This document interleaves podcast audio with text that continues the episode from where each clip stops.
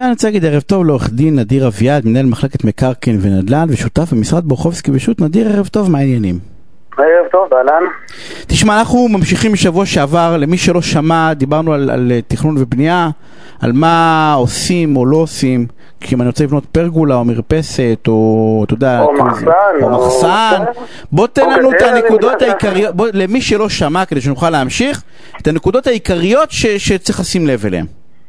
אז בואו אז בואו נעשה סיכום קצר מאוד. דיברנו על כך שתיקון 101 לחוק התכנון והבנייה אה, קיצר, הקל את תהליכי הביוקרטיה וההליכים התכנוניים במספר אה, נושאים שהם לא משפיעים בצורה מאוד אה, משמעותית על, אה, על האוכלוסייה, על המערכות וכולי. לצורך הדוגמה, מחסן, אם אני מעוניין להציב מחסן יביל שלא מחובר לתשתיות, אז אני לא צריך לקבל היתר בנייה, אלא לשלוח הודעה לוועדה המקומית שהצבתי את המחסן. כמובן שיש הגבלות, לוודא שגודל המחסן לא יהיה מעל שישה מטר רבוע וכולי וכולי. אותו דבר גם לגבי פרגולה, אם בעבר היינו נדרשים להוצאת היתר בנייה.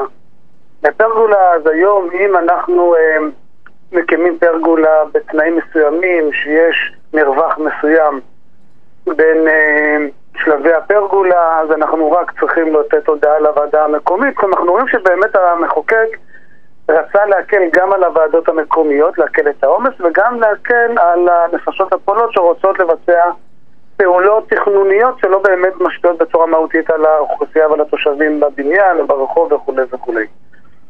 זה בגדול מה ששוחחנו בשבוע שעבר. בכוכבית הקטנה, רגע, אני אגיד מה שאמרת. לא צריך אישור של הוועדה המקומית, כן צריך לדווח וכן צריך לעשות את זה על פי חוק, כי עדיין יש קריטריונים. לא לקנות סתם מחסן, לא, אני אומר את זה למאזינים, לא לקנות סתם מחסן ולזרוק אותו בחצר. קבלו, במ... אה, אם אתם לא יודעים, לכו ל- אה, אה, לאדריכל או לעורך דין שמכיר את החוק, שיגיד לכם, זה מה שאתם יכולים, אל תסטו ממנו. כי אנשים לפעמים באים ואומרים, מה זאת אומרת, אמרו לי אפשר מחסן, שמתי מחסן, רק אתה יודע, או גם אני... צ- מחסן מבלוקים או מבטון. כן, לא, גם גדול לא יותר, או פרגולה. אתה פרגולה לא לפי תנאים, ואז מתחיל, אבל מה, שמתי פרגולה, יש את החוק, נדיר אמר לנו, יש חוק, אפשר, לא צריך אה, היתר.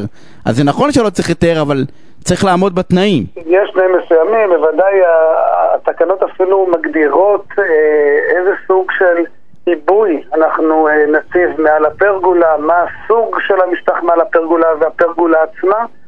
נכון מאוד, שיש לנו תקנות מאוד ברורות, מאוד מפורטות, וברגע שאנחנו סוטים מהתקנות, אז אנחנו בוודאי חשופים להריסה, אה, כתב אישום וכולי וכולי. פלילי, צריך לדעת שתכנון ובנייה זה פלילי. דרך אגב, כל מה שאמרת לך, אבל לא רלוונטי, למשל, אם אני רוצה לסגור מרפסת, נכון? שאם אני אין משל... דבר- נכון. נכון, אם אני רוצה לסגור מרפסת או לבצע תוספת בנייה, אז כאן אנחנו צריכים אה, להגיש בקשה להיתר. אה, מכוח החוק, גם במטרה להקל גם על הוועדות וגם על התושבים, אז ההליכים מאוד התקצרו משמעותית. כלומר, היום אנחנו מדברים על, תלוי בסוג הבקשה, כן, אבל הוועדה לתת החלטה תוך 45 יום או תוך 90 יום, ואם לא ניתנה החלטה, גם מאוד תלוי באיזה סוג בקשה, אז רואים את ההחלטה אה, כחיובית גם אם לא דנו בה עם הוועדה. שזה מדהים, כי זה פעם, זה לא אחד. המקרים היחידים שמעבירים את הנטל... אה, לא, בדיוק, לכתפי הרשויות, בעולם האמיתי זה לא קורה. אנחנו רואים כי היום הדרישות להגשת הבקשה מאוד הוחמרו בניגוד לעבר. כלומר בעבר הם יכולים להגיש אה, בקשה עם גרמוש, כיום כבר מבקשים יועצים, מתכננים וכולי וכולי. ולכן ההליך המקדמי לפני קליטת הבקשה, כלומר התהליך הראשוני הוא שיש איזשהו פינג פונג בין האדריכל לבין המתכנן שיושב ברשות, אז התהליך הראשוני הוא בהרבה, היום הוא בהרבה יותר אה, ארוך, בהרבה יותר מתמשך, יש בדיקה מקדמית של תנאי סף, כלומר אנחנו רואים שכן המחוקק רצה לבוא ולהקל, לקצר, אבל משלמים על זה במחיר שלפני שאתה מגיש, אני עושה לך את המוות. הארכנו את זה. במקום, קיצרנו במקום אחד, הארכנו את זה במקום נכון. אחר, ואני שמעתי על ועדות מקומיות שאם לא מספיקות הן פשוט דוחות את הבקשה. אה, נכון. ואז אתה יודע, אבל. אבל, אבל עדיין המצב יותר טוב מאשר בעבר, תתמודד. תלוי אין באיזה. עירייה, אני לא רוצה פה להגיד שמות, אבל אה, יש עיריות קשות.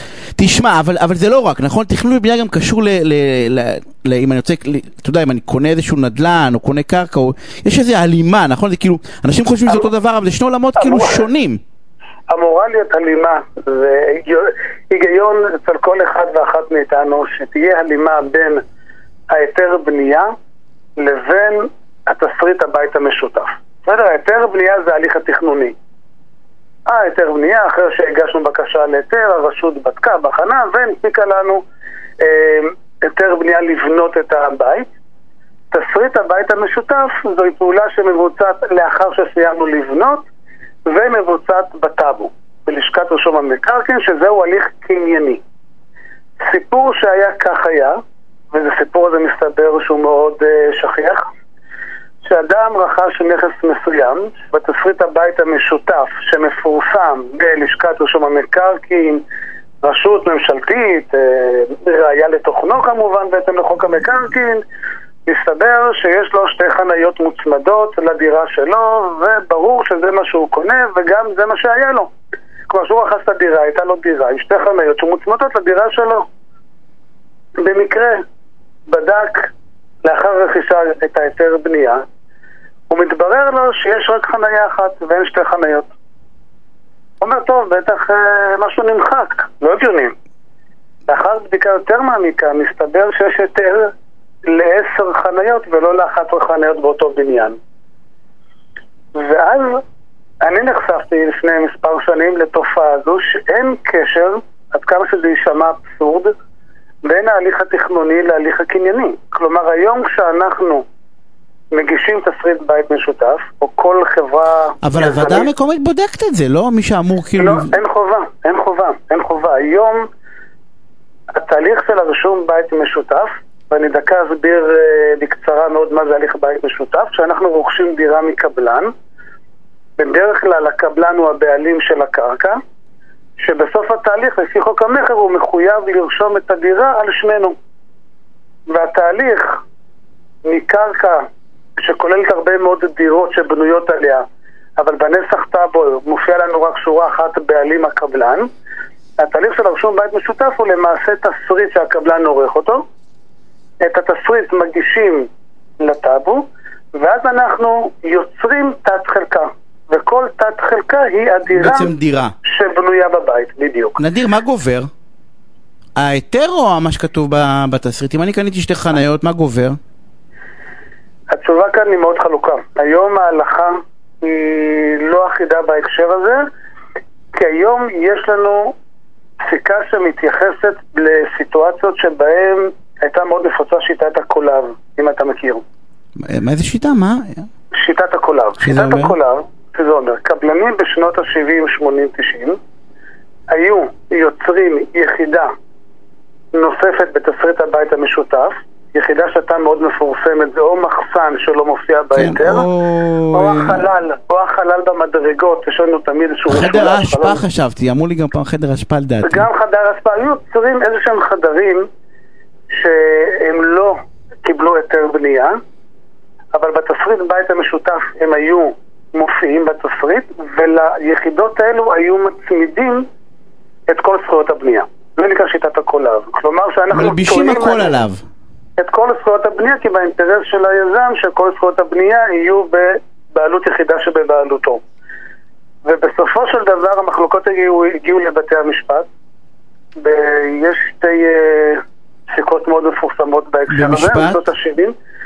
במשפט אחד, היום ההלכה, ושוב אני אומר, היא עדיין לא uh, השתנתה במהלך השנים, אבל היום אם היחידה המקורית יכולה לשמש כמגורים ואפשר להשמיש אותה, כלומר אפשר כן לקבל היתר בנייה בדיעבד ולהכשיר אותה, אז כן אנחנו נכיר אנחנו- ביחידה הזאת. אנחנו חייבים לסיים, אני רוצה להגיד לך שהשאלה הזאת, ראיתי אתמול באיזה פורום של עורכי דין, שתי חניות, שפתאום באו הבניין השכן ובא ואומר, אה, על פי. עזוב בית משותף, על פי ההיתר זה שלנו, ובקיצור יש על זה סכסוך, ממש אתמול ראיתי, שתי חניות, לא בקטנה, אז- אני חייבים לסיים, התוכנית נגמרה. אני נדיר, אני רוצה להודות לך על השיחה הסופר מעניינת הזאתי.